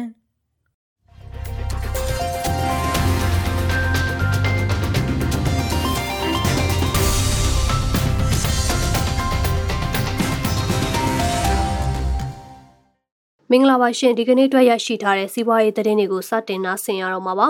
ထိုင်းနိုင်ငံမှာ MOU စနစ်နဲ့အလုတ်သွားလုံးမဲ့လုပ်သားများအတွက်နှစ်နိုင်ငံညှိနှိုင်းနေစေဆိုတဲ့သတင်းကိုဦးဆုံးနာဆင်ရမှာဖြစ်ပါတယ်။ထိုင်းနိုင်ငံမှာ MOU စနစ်နဲ့အလုတ်သွားလုံးမဲ့အလုတ်သမားတွေအတွက်လုံခြုံစိတ်ချရတဲ့ရွှေ့ပြောင်းသွားလာမှုဖြစ်စေဖို့နှစ်နိုင်ငံဝန်ကြီးဌာနကြားဆွေးနွေးညှိနှိုင်းဆဲဖြစ်တာကြောင့်ထိုင်းအလုတ်ကမ်းလှမ်းစာလုံးဝမရရှိသေးဘူးဆိုပြီးပြည်ပအလုတ်ကန်ရှာဖွေရေးဝန်ဆောင်မှုလုပ်ငန်းရှင်များအဖွဲ့ MOEAF ကပြောကြားပါရယ်။ထိုင်းအလောက်ကန်ရှာဖွေရေးညွှန်ကြားရေးမှူးချုပ်ဖိုင်ရိုစ်ကထိုင်းနိုင်ငံမှာလုံသားရှားပါမှုပြဿနာကိုအချိန်မီဖြေရှင်းနိုင်ရေးအတွက်ပြီးခဲ့တဲ့ဒီဇင်ဘာလတရက်နေ့ကစတင်လို့မြန်မာ၊လာအို၊ကမ္ဘောဒီးယားသုံးနိုင်ငံမှလုံသားတွေကို MOU စနစ်နဲ့ခေါ်ယူဖို့အလောက်ခေါ်စာစတင်လက်ခံထားပြီးဖြစ်တဲ့ဆိုပြီးထိုင်းအခြေစိုက်သတင်းဌာနတွေမှာရေးသားထားပါတယ်။ဒါကြောင့်မြန်မာ၊လာအို၊ကမ္ဘောဒီးယားသုံးနိုင်ငံကနေလုံသားခေါ်ယူလို့တဲ့အလုပ်ရှင်တွေအနေနဲ့ quarantine အတွက်စရိတ်တာဝန်ယူနိုင်ရင်အလောက်အကန်ရှာဖွေရေးဦးစီးဌာနခရိုင်အလောက်ကန်ရှာဖွေရေးယုံမြို့တော်ဘန်ကောက်အတွင်းမှာရှိတဲ့အလောက်ကန်ရှာဖွေရေးယုံ10ခုမှာအလောက်ခေါ်စာတင်နိုင်တဲ့အကြောင်းညွှန်ကြားရေးမှူးချုပ် Fairuz ကပြောကြားပါရယ် ကွာရန်တင်းနေရအချိန်ကာလနဲ့ကျန်းမာရေးအမခံရွေးချယ်မှုအပေါ်မူတည်ပြီးလုံသားတယောက်အတွက်ခေါ်ယူစိတ်ဟာဘတ်11490ကနေ2450ကျားမှရှိနိုင်ကြောင်းသိရှိရပါတယ်။2021ခုနှစ်ဒီဇင်ဘာလ20ရက်အထိရရှိထားတဲ့အချက်လက်တွေအရကတော့မြန်မာ၊လာအို၊ကမ္ဘောဒီးယားသုံးနိုင်ငံမှာလုံသား3295ဦးခေါ်ယူဖို့အလုပ်ခေါ်စာ255ခုတင်ထားတဲ့အကြောင်းထိုင်းအလုပ်ကိုင်ရှာဖွေရေးညွှန်ကြားရေးမှူးချုပ်ကပြောကြားပါတယ်။မြန်မာအလုပ်သမားဝင်ကြီးဌာနနဲ့ထိုင်းအလုပ်သမားဝင်ကြီးဌာနတို့ကြား MOU စနစ်နဲ့ထိုင်းနိုင်ငံစီမြန်မာအလုပ်သမားစေလွှတ်မှုကိုပြီးခဲ့တဲ့2012ခုနှစ်အောက်တိုဘာလကစတင်လို့တရားဝင်စေလွှတ်ပေးခဲ့တာဖြစ်ပြီးကိုဗစ်ရောဂါမတိုင်မီ2020မတ်လ18ရက်နေ့အထိရှိခဲ့ကြောင်းလည်းသိရှိရပါတယ်။မြန်မာပြည်မှာတော့ကိုဗစ်ရောဂါစတင်ဖြစ်ပွားပြီးတဲ့နောက်ထိုင်းမြန်မာနယ်စပ်ဖြစ်တဲ့မြဝတီနယ်စပ်ဂိတ်စခန်းကိုပိတ်လိုက်ရပြီးတဲ့နောက်နိုင်ငံကြားတရားဝင်အလုပ်သမားစေလွှတ်မှုမရှိတော့တာဒီကနေ့အထိပါ။ လျှက်စစ်တအားထုတ်လုပ်မှုရောနှဲကျဆင်းလာလို့လျှက်စစ်မီသုံးဆွဲတာများတဲ့အချိန်တွေမှာမီးပြတ်တောက်မယ်ဆိုပြီးစစ်ကောင်စီလက်အောက်ခံလျှက်စစ်နဲ့စွမ်းအင်ဝင်ကြီးဌာနကကြေညာလိုက်ပါတယ်။ပုံမှန်အချိန်မှာအမြင့်ဆုံး4200မဂါဝက်လောက်ဓာတ်အားထုတ်လုပ်နိုင်နေပေမဲ့လက်ရှိအချိန်မှာတော့ပြည်ပကနေမှာယူတင်သွင်းရတဲ့ဓာတ်ငွေဈေးနှုန်းဟာ၄ဆလောက်မြင့်တက်လာတဲ့အတွက်ဓာတ်အားပေးစက်ရုံတွေကနေ950မဂါဝက်လောက်ကိုမထုတ်လုပ်ဘဲရှင်းနာထားရတယ်လို့ဆိုပါတယ်။ ရတနာကမ်းလွန်တံငွေစီမံကိန်းမှလည်းနှစ်စဉ်ပုံမှန်ထိမ့်သိမ်းပြုပြင်တဲ့လုပ်ငန်းစဉ်တွေကိုပြီးခဲ့တဲ့နိုဝင်ဘာလ29ရက်နေ့ကနေပြီးဒီဒီဇင်ဘာလ6ရက်နေ့အထိလုပ်ခဲ့တဲ့အတွက်ကြောင့်တဘာဝတံငွေတာအပိစက်ရုံတွေကနေ940မဂါဝက်လောက်မထုတ်လုပ်နိုင်ပဲရှော့နေနေရလို့လည်းဆိုပါတယ်။တဘာဝတံငွေတုံးနဲ့ရေအားလျက်စစ်တာအပိစက်ရုံအချို့ကိုလည်းနှစ်စဉ်ထိမ့်သိမ်းပြုပြင်နေတာပွင့်လင်းကာလ ရေအားလျက်စစ်စီမံကိန်းစက်ရုံတွေအတွက်ရေဝင်တာနဲလို့ရေအားလျက်စစ်ထုတ်လုပ်တာကိုထိမ့်သိမ်းရှော့ချတာတွေလုပ်နေလို့စုစုပေါင်းတအားထုတ်လုပ်နိုင်ခြင်းဟာ300ထက်1480မဂါဝက်လောက်လျော့နေတယ်လို့လည်းဆိုပါတယ်။ဘလူးချောင်းရေအားလျက်စစ်တာပေးစက်ရုံတွေကနေတအားပေးဖို့လွှတ်နေတဲ့230 kV တာဝါတိုင်းတွေကိုမိုင်းခွဲဖြတ်စည်းခံရခြင်းကြောင့်လည်းတအား180မဂါဝက်လောက်လျော့နေနေကြောင်းကြေညာထားတာဖြစ်ပါတယ်။ရတနာတန်းဝေစီမံကိန်းကိုထိမ့်သိမ်းပြုပြင်တာတွေပြီးလို့ဇန်နဝါရီ9ရက်မှာပြန်လည်ထုတ်လုပ်နိုင်ပြီးတာဝါတိုင်းတွေအမြန်ပြန်ပြင်ဖို့စီစဉ်နေပေမဲ့930မဂါဝက်လောက်ဆက်ပြီးတော့ရှော့နေအောင်မယ်ဆိုပြီးလဲထုတ်ပြန်ချက်မှာဖော်ပြထားပါတယ်။တအားစနစ်တည်ငြိမ်စေဖို့မိသုံးနာများတဲ့မနက်9နာရီကနေနေ့လယ်7နာရီအချိန်အတွင်း ညနေ9နာရီကနေ9နာရီအချိန်အတွင်းတို့မှာအချို့နေရာတွေမှာမီးပြတ်တောက်မယ်လို့လည်းဆိုထားပါတယ်။ဒီနောက်ဆုံးအနေနဲ့2021ခုနှစ်နှစ်ချုပ် GDP စရင်းတွေထွက်ပေါ်လာပြီး American တရုတ်ဂျပန်နဲ့ဂျာမနီလေးနိုင်ငံတို့ဟာ GDP စုစုပေါင်းဟာကမ္ဘာ GDP ရဲ့တဝက်ကျော်မှရှိနေတယ်ဆိုတဲ့သတင်းကိုနားဆင်ရမှာပါ။ 2021ခုနှစ်နှစ်ချုပ်အဖြစ်ကမ္ဘာလုံးဆိုင်ရာစီးပွားရေးဆွမ်းဆောင်ရေးကိုတိုင်းတာနေကြဖြစ်တဲ့နိုင်ငံတနိုင်ငံချင်းစီရဲ့စုစုပေါင်းပြည်တွင်းအသက်တင်ထုတ်ကုန် GDP စရင်းတွေထွက်ပေါ်လာပါပြီ။ကမ္ဘာတိုင်းပြည်အသီးသီးရဲ့ GDP တွေကိုစုပေါင်းလိုက်ရင် American Dollar 49 trillion ရှိခဲ့ပါတယ်။နိုင်ငံတကာငွေကြေးရန်ပုံငွေအဖွဲ့ရဲ့စရင်းအချက်လက်တွေကိုအခြေခံကထုတ်ပြန်လိုက်တဲ့ပုံပြကားချက်အရာဆိုရင် American ပြည်ထောင်စု တရုတ်ဂျပန်နဲ့ဂျာမနီလေးနိုင်ငံတို့က GDP လုံးပေါင်းဟာကမ္ဘာ GDP ရဲ့ထက်ဝက်ကျော်မှရှိနေတာကိုတွေ့ရှိရပါတယ်။ American ပြည်ထောင်စုနိုင်ငံတစ်ခုထဲမှာတင် GDP ကကျန်နိုင်ငံ190တို့ရဲ့စုစုပေါင်း GDP ထက်တောင်ကျော်လွန်နေပါတယ်။စုစုပေါင်းပြည်တွင်းအသက်တင်ထုတ်ကုန် GDP ဆိုတာဟာနိုင်ငံတိုင်းပြည်နယ်နိမိတ်တစ်ခုရဲ့သတ်မှတ်ထားတဲ့အချိန်ကာလတစ်ရက်အတွင်းမှာထုတ်လုပ်ပြီးစီးသမျှအပိသက်ကုန်စည်နဲ့ဝန်ဆောင်မှုရဲ့ငွေကြေးတန်ဖိုးတွေပါ GDP ဟာတိုင်းပြည်တစ်ခုရဲ့စီးပွားရေးအခြေအနေကိုလျှက်ပြက်ထင်ဟပ်နိုင်တဲ့အတွက်စီးပွားရေးအဆောက်အုံရဲ့အရွယ်အစားနဲ့စီးပွားရေးတိုးတက်နှုန်းကိုမှခံမှန်းရမှာအသုံးဝင်ပါတယ်။ GDP ရဲ့အသုံးစရိတ်နည်းကုန်တွက်နည်းဝင်ငွေနည်းဆိုပြီးတော့သုံးမျိုးနဲ့တွက်ချက်နိုင်ပါတယ်2021ခုနှစ် GDP အရကမ္ဘာစီးပွားရေးရဲ့ထိပ်တန်းကိုရှောင်နေတဲ့နိုင်ငံများမှာ American ပြည်ထောင်စု22.6 trillion ကမ္ဘာ GDP ရဲ့24.4ရာခိုင်နှုန်းတရုတ်16.6 trillion ကမ္ဘာ GDP ရဲ့19.9ရာခိုင်နှုန်းဂျပန်9.1 trillion ကမ္ဘာ GDP ရဲ့9.4ရာခိုင်နှုန်း ဂျာမနီ4.2 trillion ကမ္ဘာ GDP ရဲ့4.5ရာခိုင်နှုန်းဗြိတိန်3.1 trillion ကမ္ဘာ GDP ရဲ့3.3ရာခိုင်နှုန်းအိန္ဒိယ2.9 trillion ကမ္ဘာ GDP ရဲ့3.1ရာခိုင်နှုန်းပြင်သစ်2.9 trillion ကမ္ဘာ GDP ရဲ့3.1ရာခိုင်နှုန်းအီတလီ2.2 trillion ကမ္ဘာ GDP ရဲ့2.3ရာခိုင်နှုန်းကနေဒါ1.3 trillion ကမ္ဘာ GDP ရဲ့1.1ရာခိုင်နှုန်းနဲ့ကိုရီးယား 1.8 trillion ကမ္ဘာ GDP ရဲ့1.9ရာခိုင်နှုန်းတို့ဖြစ်ကြပါတယ်။ဗန်နာရီအမကန်နဲ့အင်ယာမြေလုပ်ငန်းတွေကတိုင်းပြည်ရဲ့အဓိကစီးပွားရေးလုပ်ငန်းတွေဖြစ်ပြီးတန်ဖိုးကတော့4.8 trillion ရှိပါတယ်။ဒီနောက်မှာ professional နဲ့စီးပွားရေးဝန်ဆောင်မှုများဟာ2.8 trillion အစိုးရ2.6 trillion အစဉ်လိုက်ပါဝင်ပါတယ်။တရုတ်ရဲ့ GDP မှာတော့ American dollar 18 trillion နီးပါးရှိပြီးကမ္ဘာမှာဒုတိယအများဆုံးလိုက်နေတာကိုလည်းတွေ့ရပါတယ်။ တမဏိ electronic နဲ့စက်ရုံများချက်ထွင်ထုတ်လုပ်နိုင်တဲ့အတွက်ကမ္ဘာမှာအကြီးမားဆုံးကုန်ကြောထုတ်လုပ်နိုင်တဲ့နိုင်ငံလည်းဖြစ်နေပါတယ်။ဥရောပမှာတော့ဂျာမနီကအချမ်းသာဆုံးစီးပွားရေးအဆောက်အုံရှိပါတယ်။ကမ္ဘာမော်တော်ကားတင်ပို့မှုရဲ့ရှားကိုင်းနှုန်း20ခန့်ကိုဂျာမနီကဝေစုယူထားပြီး2019ခုနှစ်မှာကုန်သွယ်မှုအရရက်ကနေဝင်ငွေစုစုပေါင်းဟာဂျာမနီ GDP ရဲ့ရှားကိုင်းနှုန်း90နီးပါးရှိပါတယ်။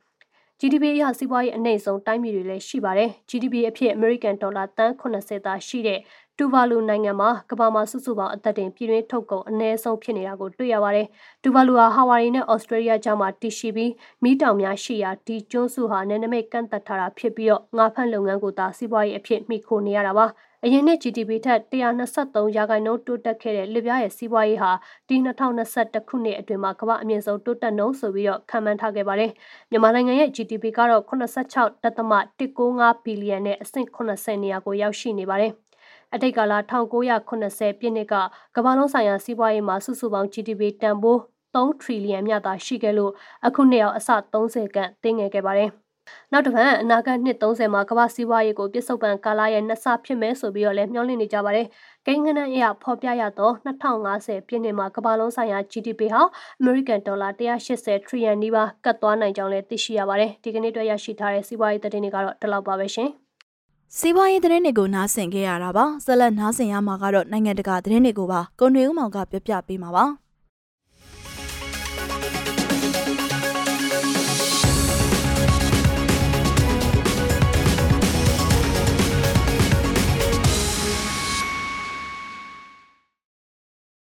အာဖရိကဥဂျိုနိုင်ငံကို January လ9ရက်ဗိုလ်ထူးနေ့ကအလဲပတ်ရောက်ရှိလာတဲ့တရုတ်နိုင်ငံသားရေးဝန်ကြီးက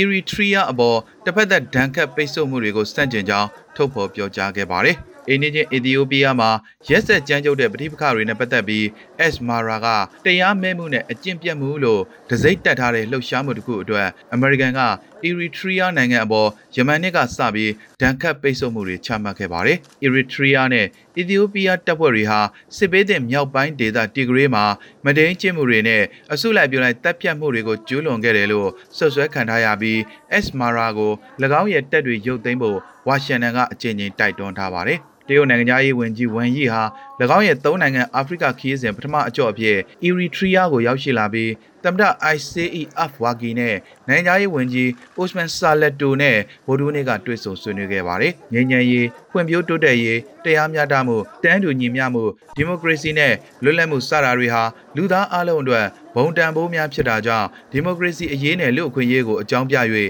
အကြားနိုင်ငံများရဲ့ပြည်တွင်းရေးအပေါ်ဝင်ရောက်ဆွတ်ဖက်ခြင်းအပေါ်ဆန့်ကျင်ကြောင်းပူးတွဲကြေညာချက်မှာဖော်ပြထားပါတယ်။ Eritrea နိုင်ငံအပေါ်တပတ်သက်ပိတ်ဆို့ရေးယူမှုမှန်သမျှကိုတရုတ်ဘက်ကစန့်ကျင်ကန့်ကွက်ပါတယ်လို့ဝန်ကြီးကထပ်လောင်းပြောကြားခဲ့ပြီး Eritrea ဘက်မှလည်းတရုတ်နိုင်ငံရဲ့ One China မူဝါဒကိုလက်ခံမှာကြောင်းထပ်လောင်းအတည်ပြုပြောဆိုခဲ့ပါတယ်။ဝန်ကြီးရဲ့ခီးစဉ်ဟာကမ္ဘာဘိတ်ဆုံးနိုင်ငံတွေထဲကတစ်ခုဖြစ်တဲ့ Eritrea ပြီးရင်ကင်ညာနဲ့ Comoros နိုင်ငံများကိုတွားရောက်မှာဖြစ်ပါတယ်။မြောက်ကိုရီးယားခေါင်းဆောင်ကင်ဂျုံအန်ဟာ ဘိုးအာဏာရပါတီအစည်းအဝေးအပြီးမိန့်ခွန်းပြောကြားရမှာယခုနှစ်အတွက်စီးပွားရေးကိုဦးစားပေးလှုပ်ဆောင်သွားမယ်လို့ထည့်သွင်းပြောကြားခဲ့ကြောင်းနိုင်ငံပိုင်မီဒီယာကနေသတင်းထုတ်ပြန်ခဲ့ပါတယ်။မကြသေးမီနှစ်များအတွင်းအနည်းကစောင့်ကြည့်ခဲ့တဲ့ကင်ရဲ့နှစ်သက်ထုတ်ပြန်ချက်တွေကိုတန်တမာရေးရာအပေါ်မူဝါဒဆိုင်ရာရည်တည်ချက်များအစားယခုနှစ်အတွက်စားနပ်ရိက္ခာဖူလုံရေးနဲ့ဖွံ့ဖြိုးရေးကိုရည်မှန်းလှုပ်ဆောင်သွားမယ့်အကြောင်းပြောကြားခဲ့ပါတယ်။စင်ရနွမ်းပါလာတဲ့ နျူကလ িয়ার လက်နက်နိုင်ငံဟာ၎င်းရဲ့စီးပွားရေးထိခိုက်လောက်အောင်တင်းကျပ်တဲ့ကိုရိုနာဗိုင်းရပ်စ်ကန့်သတ်မှုတွေအောက်မှာရှိနေပါတယ်။တောက်ကြနေ့ကပါတီအစည်းအဝေးအပြီးမေကွန်းမှာ2021ခုနှစ်ကပြင်းထန်တဲ့အခြေအနေများကိုသိရှိကြောင်းပြောကြားခဲ့ပြီးလာမယ့်နှစ်အတွက်အစီအစဉ်များကိုချမှတ်ခဲ့ကြောင်းကိုရီးယားသတင်းဌာန KCNA ကဖော်ပြခဲ့ပါတယ်။လာမယ့်2022ရဲ့စင်ခေါ်မှုတွေကိုတည်ရရှင်ရေးတိုက်ပွဲကြီးတစ်ခုအဖြစ်သတ်မှတ်ထားပြီး ပြည်သူတွေရဲ့စားဝတ်နေရေးပြဿနာတွေကိုဖြေရှင်းဖို့အတွက်ထိရောက်တဲ့အစီအမံတွေလှုပ်ဆောင်ဖို့ကိုအရေးကြီးကိစ္စရပ်ဖြစ်သတ်မှတ်ခဲ့ကြောင်း KCNA မှပြောကြားခဲ့ပါတယ်။ကိုဗစ်ကရောဂါနဲ့နေဆက်ပိတ်ဆို့မှုရလဒ်များအဖြစ်နိုင်ငံရဲ့2020ခုနှစ်စီးပွားရေးအခြေအနေဟာဆယ်စုနှစ်နှစ်ခုကျော်အတွင်းအဆိုးဝါးဆုံးကျဆင်းခဲ့ရကြောင်းတောင်ကိုရီးယားဗဟိုဘဏ်ရဲ့ထုတ်ပြန်ချက်အရသိရှိရပါတယ်။မြောက်ကိုရီးယားရဲ့ဆိုးရွားလာတဲ့စားနပ်ရိက္ခာအကျပ်တဲနဲ့ပတ်သက်၍စိုးရိမ်မှုတွေမြင့်တက်လာပြီးထိခိုက်လွယ်သူအများစုမှာအငတ်ဘေးနဲ့ရင်ဆိုင်နေရတယ်လို့ ကုလသမဂ္ဂလူ့အခွင့်အရေးဆိုင်ရာကျွမ်းကျင်သူတို့ကအော်တိုဘာလအတွင်းကသတိပေးခဲ့ပါတယ်။ကယောဂတိုက်ဖြတ်ရေးဟာလည်းလာမယ့်နှစ်အတွက်အဓိကရည်မှန်းချက်တွေထဲကတစ်ခုဖြစ်ကြောင်းကင်ကထည့်သွင်းပြောကြားခဲ့ပါတယ်။ကိုဗစ်ရဲ့ရိုက်ခတ်မှုကယခုလိုစီးပွားရေးပေါ်အာရုံစိုက်လာရခြင်းအကြောင်းရင်းဖြစ်တယ်လို့လေ့လာသူတွေကသုံးသပ်ကြပါတယ်။ကယောဂါဟာမြောက်ကိုရီးယားရဲ့တန်ကင်းတပန်ကင်းကိုဆက်လက်ချုပ်ကင်ထားပြီးစီးပွားရေးကိုရိုင်နေစေတာကြောင့်နေဆက်ကိုထိန်းချုပ်နိုင်ဖို့ကထိတ်တန်းလုံခြုံရေးပြဿနာဖြစ်လာတယ်လို့တောင်ကိုရီးယား Iwa Wamit တက္ကသိုလ်ကပါမောက Leaf Aris Easily က AFP ကိုပြောကြားခဲ့ပါတယ်။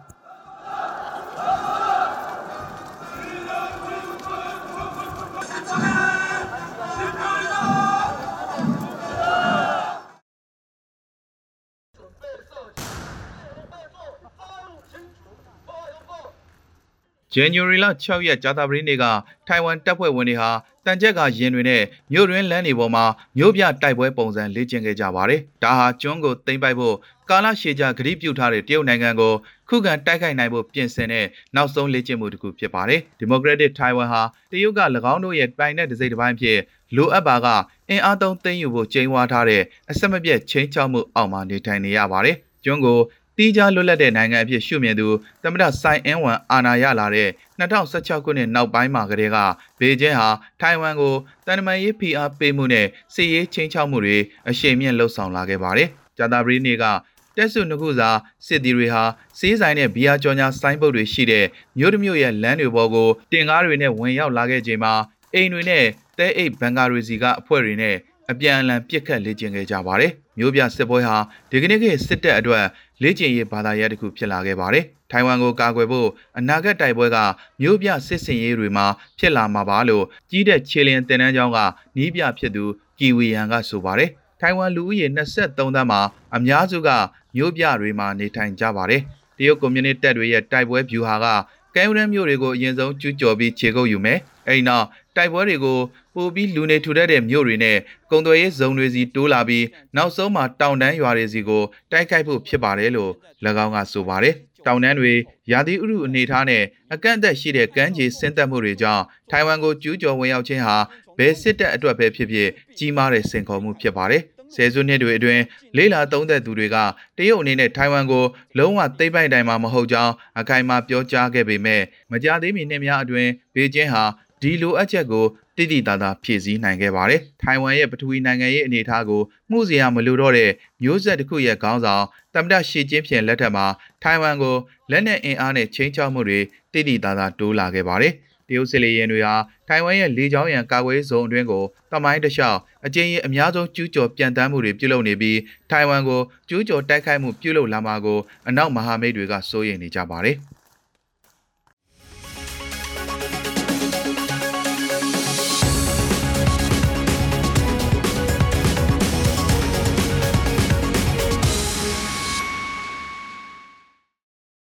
အခုကတော့ BNI အစီအစဉ်တွေကိုတင်ဆက်ပေးမှာပါ BNI ဝိုင်းတော်သားတွေရဲ့တင်ဆက်မှုကိုနားဆင်ကြည့်ရအောင်ပါ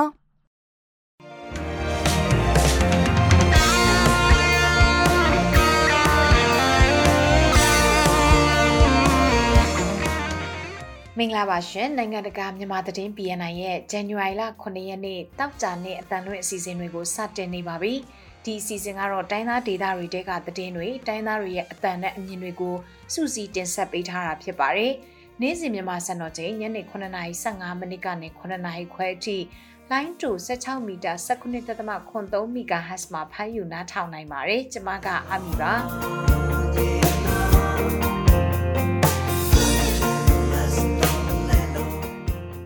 ဒီနေ့မှာကြားကြရမယ့်သတင်းတွေကတော့ကရီနီပြည်နယ်လွိုက်ကော်နဲ့နယ်စပ်ဒေသတွေမှာတိုက်ပွဲတွေပြင်းထန်နေပါတယ်။ချင်းပြည်နယ်မတူပီမှာတော့တိုက်ပွဲတွေဖြစ်ပွားနေပြီးခရီးသွားတွေကိုလည်းစစ်ကောင်စီတပ်ကဖမ်းဆီးထားပါတယ်။မွန်ပြည်နယ်ကရော်ဘာတွေတရုတ်နယ်စပ်ကိုပို့မရလို့အခက်အခဲဖြစ်နေတဲ့အကြောင်းတွေကိုလည်းနောက်ပိုင်းမှာကြားကြရမှာပါ။သတင်းတွေကိုတော့ကျွန်မနဲ့တူဆမ်နော်ကနေတင်ဆက်ပေးသွားမှာပါရှင်။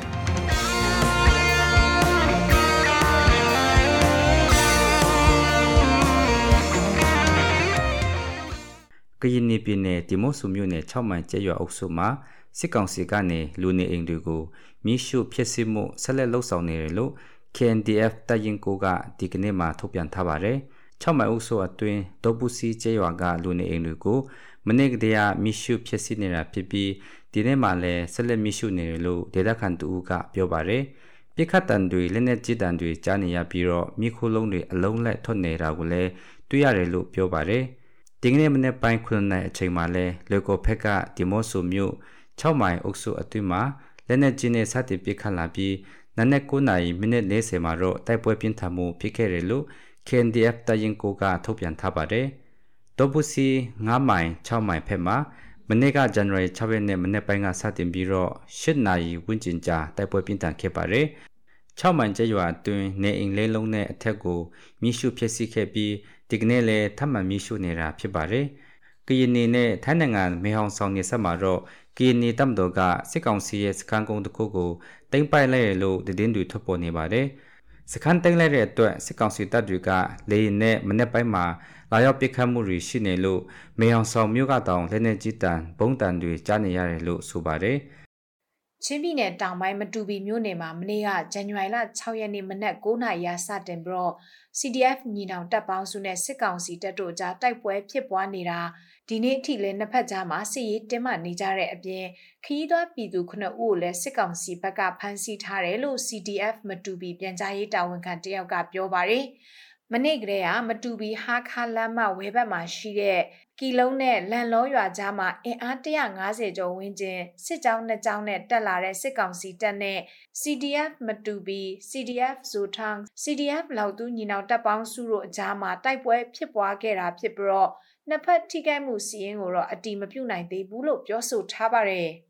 စစ်ကောင်စီတပ်ကကီလုံးကနေ လန်လောရွာကိုခရီးသွားနေတဲ့ပြည်သူ9ယောက်ကိုလည်းဖမ်းဆီးထားတဲ့အပြင်လူသားတိုင်းကအဖြစ်တိုက်ပွဲအတွင်းမှာအသုံးပြုနေတယ်လို့ CDF မတူဘီဘက်ကသတင်းထုတ်ပြန်ထားပါတယ်။မွန်ပြည်နယ်မှာအခုနောက်ပိုင်းဖမ်းဆီးခံရတဲ့သူတွေကိုစစ်ကောင်စီကအကြမ်းဖက်မှုတပ်ဖြစ်ရေးဥပဒေတွေနဲ့ဆက်တိုက်အမှုဖွင့်လာတယ်လို့တရားရုံးနဲ့နှိစက်သူတွေကပြောပါတယ်။စစ်ကောင်စီဟာအာဏာရှင်စန့်ကျင်ကြောင်းဆန္ဒပြပွဲမှာပါဝင်ခဲ့တဲ့သူတွေနဲ့စစ်ကောင်စီကိုဝေဖန်သူတွေကိုဆက်တိုက်ဖမ်းဆီးနေတယ်လို့ ဖန်စီရမိရင်လည်းပြည်သူ့ကာကွယ်ရေးတပ်ဖွဲ့ PDF နဲ့အဆက်အသွယ်ရှိရဆိုပြီးအကြံဖက်ဥပဒေတွေနဲ့အမှုဖွင့်လာတာပါအကြံဖက်ဥပဒေတွေနဲ့အမှုဖွင့်ခံရတဲ့သူအများစုဟာပြည်မှုကျူးလွန်ကြောင်းခံလုံတဲ့တက်တယ်မရှိဘဲအမှုဖွင့်ခံရတဲ့အတွက်ကြောင့်နှိနာမှုတွေအများကြီးရှိတယ်လို့တရားရုံးနဲ့နှိဆက်သူတွေကပြောပါတယ်။ဒါ့အပြင်အနာသိစစ်ကောင်စီဟာဖမ်းဆီးခံရတဲ့သူတွေနဲ့ပတ်သက်တဲ့ဆိုပြီးကွင်းဆက်ဖမ်းဆီးတာတွေလှုပ်ဆောင်နေတယ်လို့ ဖမ်းဆီးရမိရင်လည်းပုံမှန်905ကအပြင်အကြမ်းဖက်မှုတပ်ဖြစ်ရေးဥပဒေပုံမှန်51 52တွင်နဲ့အမှုဖွင့်လာတာပါမွန်ပြည်နယ်မှာတော့စစ်တပ်အာဏာသိမ်းပြီးနောက်ငင်းချမ်းစွာဆန္ဒပြခဲ့တဲ့ဝန်ထမ်းနဲ့ပြည်သူ900ကျော်ဖမ်းဆီးခံရတာဖြစ်ပါတယ်အဲ့ဒီထဲမှာ CDM ဝန်ထမ်းတချို့နဲ့ပြည်သူနေရာနှိပောက်ကိုစစ်ကောင်စီကပြန်ထုတ်ပေးခဲ့ပြီးကြန့်ရှိတဲ့ဖမ်းဆီးခံ300ကျော်လောက်ကတော့အမှုရင်ဆိုင်နေရဆဲဖြစ်ပါတယ်။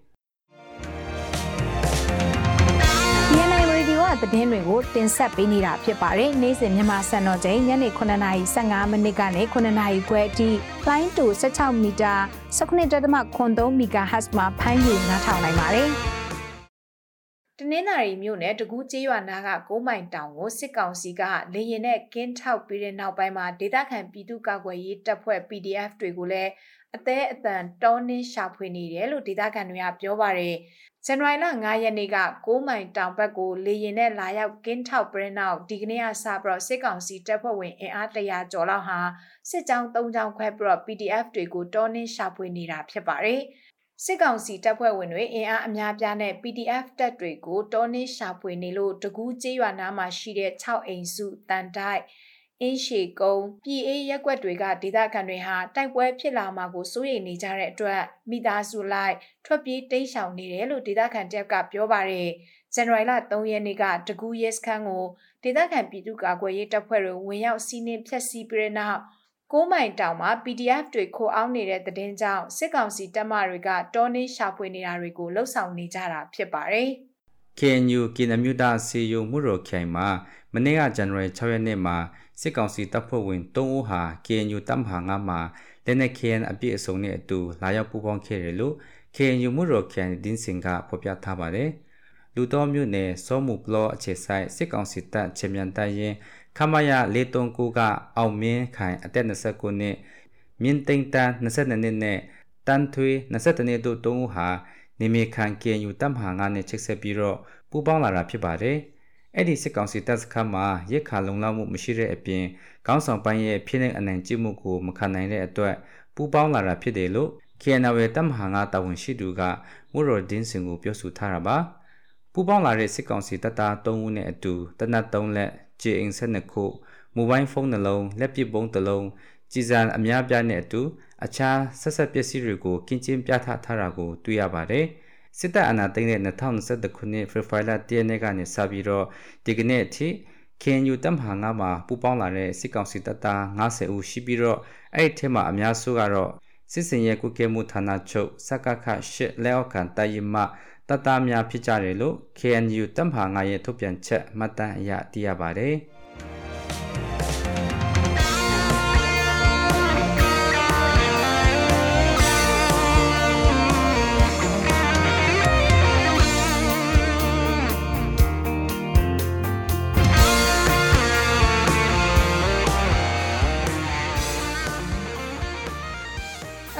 ပြီးသတင်းလွှာတွေကိုတင်ဆက်ပေးသွားပါမယ်ရှင်ပထမဆုံးတော့ဂရီနီတိုက်ပွဲတွေအကြောင်းနဲ့စပါမယ်ဂရီနီပြည်နယ်ထဲမှာတိုက်ပွဲတွေဆက်ဖြစ်နေပါတယ်ဒီနေ့ဆိုရင်မြို့တော်လွိုက်ကော်မှာလည်းစစ်ကောင်စီဘက်က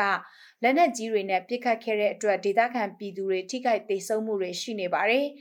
KNPP ဌာနချုပ်ကိုလည်းစစ်ကောင်စီဘက်ကလေရင်နဲ့လာရောက်ပစ်ခတ်ခဲ့တယ်လို့ KA KNDF ပူးပေါင်းတပ်တွေကလည်းစစ်ကောင်စီရဲ့စခန်းတစ်ခုကိုသိမ်းယူနိုင်ခဲ့ပါတယ်။ ဒီအကြောင်းအသေးစိတ်ကိုတော့သတင်းနဲ့မီဒီယာကွန်ရက်သတင်းဌာနကစောပွေးကပြောပြပေးထားပါတယ်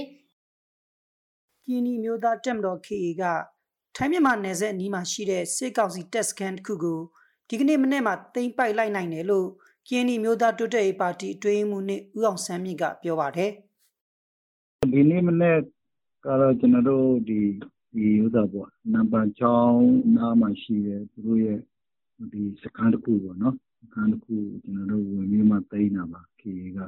သိမ်းတော့ကျွန်တော်တို့အဲ့စခန်းကိုသိမ်းလို့ရပါတယ်အဲ့ဒီနောက်မှာတော့စစ်ကောင်စီတပ်က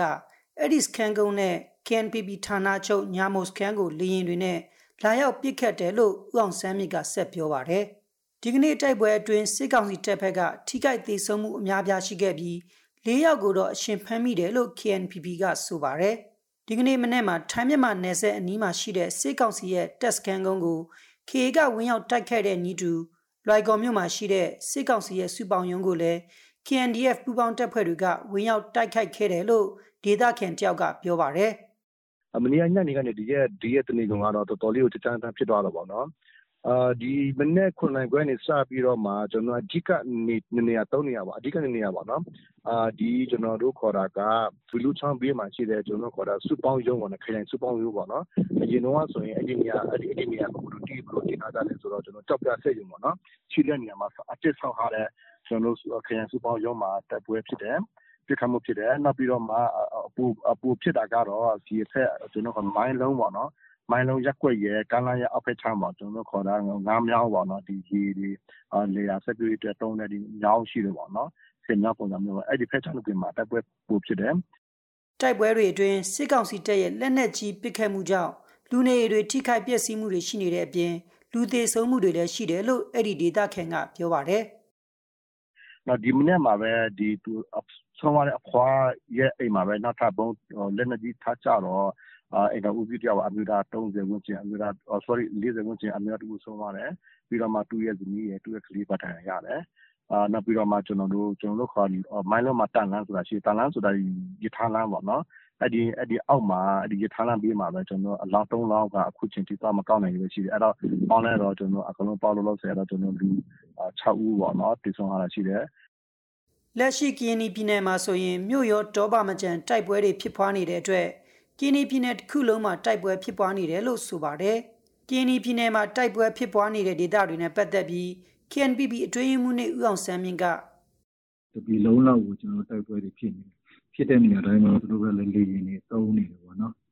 ဆိုတော့တိုက်ပွဲတွေကတော့တော်တော်ဖြစ်နေတယ်ပေါ့ခရင်နေမှာပေါ့လက်ရှိကရင်ပြည်နယ်မှာဆိုရင် KA KNDF ဒေသခံကာကွယ်ရေးတပ် PDF ပူးပေါင်းတပ်တွေနဲ့စစ်ကောင်စီတပ်တွေကြားတိုက်ပွဲတွေဖြစ်ပွားနေသလို ကရင်ပြည်နယ်ရှမ်းပြည်နယ်မြောက်ပိုင်းချင်းပြည်နယ်တို့မှာလည်းပြည်내အခြေစိုက်တိုင်းသားလက်နက်ကင်တော်လှန်ရေးအဖွဲ့အစည်းတွေပြည်သူ့ကာကွယ်ရေးတပ် PDF တို့နဲ့စစ်ကောင်စီတပ်တို့ကြားတိုက်ပွဲတွေဖြစ်ပွားနေပါတယ်။မွန်ပြည်နယ်ကထွက်တဲ့ရာဘာတွေဟာဈေးကောင်းရနေပေမဲ့အဓိကတင်ပို့ရမှာတရုတ်နိုင်ငံရဲ့စီကံတင်ကျပ်မှုတွေကြောင့်ပြည်ပကိုတင်ပို့ဖို့အခက်ကြုံနေကြရပါတယ်။ဒီအကြောင်းတန်လွင်ထိုင်းသတင်းဌာနကကိုနောင်ခန့်ကအသေးစိတ်ပြောပြထားပါတယ်။ မွန်ပြည်နယ်ထွက်ရောဘာတွေဟာယာဒီအစမှာတပေါင်ကိုကျပ်900ကျော်တာဈေးနှုန်းရရှိခဲ့ပေမဲ့အခုအခါမှာတော့တပေါင်ကိုကျပ်1000ကျော်လောက်ထိဈေးနှုန်းရရှိနေပါတယ်။အခုယာဒီမှာရောဘာထွန်းနှုံးရော့ကျလာတဲ့အပြင်ကမ္ဘာရောဘာဈေးကွက်မှာနဲ့ဈေးနှုန်းအနှဲငယ်မြင့်တက်လာလို့ပြည်내အတွင်းမှာနဲ့ရောဘာဈေးနှုန်းတွေမြင့်တက်လာတာလို့ရောဘာအဝယ်တိုင်းတဦးကခုလိုပြောပါတယ်။လက်ရှိရောဘာဈေး RSF5 က 1020 တက်လာတယ် ဒီတင်ဈေးပေါ့ကမ္ဘာဈေးကွက်မှာတင်ဈေးတက်လို့ တက်တယ်လို့ပဲ အမတို့ယူဆတာလေဟုတ်လားပေါ့ငွေဈေးလည်း နည်းနည်းတက်လာတယ်လို့တော့ ပြောငွေဈေးကြောင့်လို့လည်း ထင်တာပေါ့နော် နောက်ပြီးတော့ အထွက်လည်းနေလာပြီ အခု ရွက်ချွေရာဒီရောက်လာပြီ အထွက်နေလာပြီ ပစ္စည်းနေလာတယ် ပစ္စည်း ပုံမှန်ထက်ကိုထွက်အထွက်နှုံလျော့လာတယ်လေ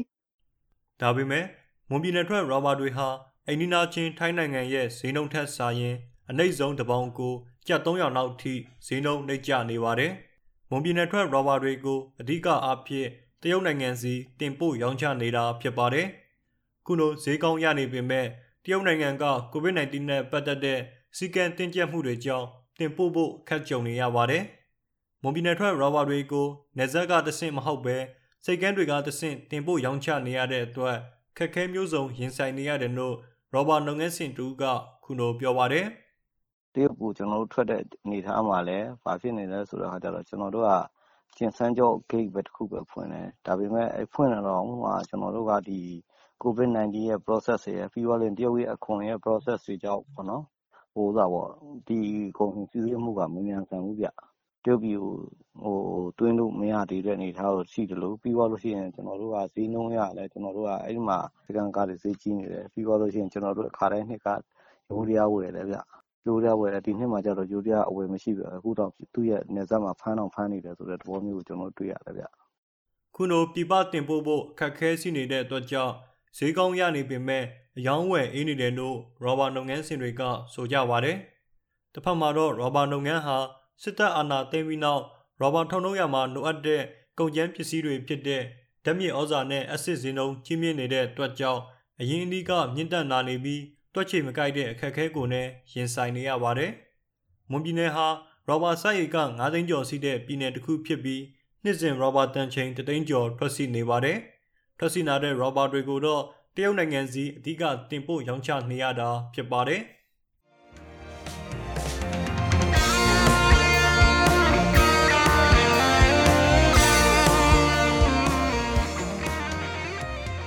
ဆင်ခဲ့ကြရတာကတော့ BNI Radio ကနေ့စဉ်သတင်းအစီအစဉ်ပဲဖြစ်ပါတယ်။ဒီအစီအစဉ်ကိုနေ့စဉ်မြန်မာစံတော်ချိန်ညနေ9:15မိနစ်ကနေ9:00ခွဲအထိ15မိနစ်ကြာထုတ်လွှင့်နေတာဖြစ်ပါတယ်။နားဆင်ပေးတဲ့အတွက်ကျေးဇူးတင်ပါတယ်ရှင်။ကျွန်မကအမီပါ။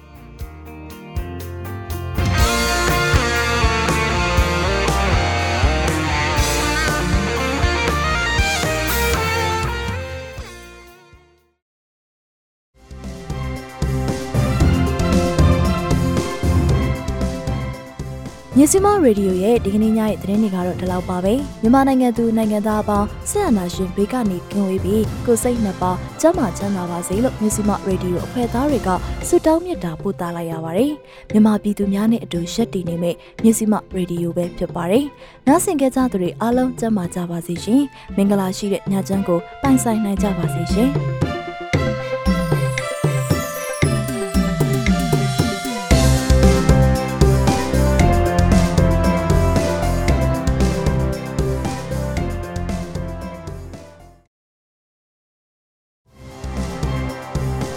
မတို့ရဲ့မြစီမရေဒီယိုကိုနေ့စဉ်ည6နာရီခွဲမှည9နာရီခွဲထိလိုင်းတူမီတာ16မီတာစက္ကွန်တသမခွန်3 MHz ကနေပြီးတော့ဖမ်းယူနားဆင်နိုင်ပါပြီ။မြစီမရေဒီယိုကိုနားမစင်လိုက်ရတဲ့သူတွေအနေနဲ့မြစီမ News and Farming Page, 108 Page, မြစီမ YouTube Channel, မြစီမ Website Podcast, Application Podcast, Anchor Podcast တွေမှာလည်းပြန်လည်နားဆင်လို့ရပါတယ်နော်။